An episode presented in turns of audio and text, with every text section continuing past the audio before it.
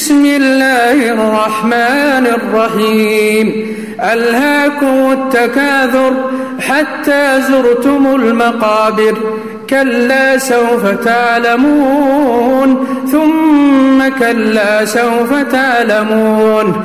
كلا لو تعلمون علم اليقين لترون الجحيم. ثم لترونها لتسألن يومئذ عن النعيم.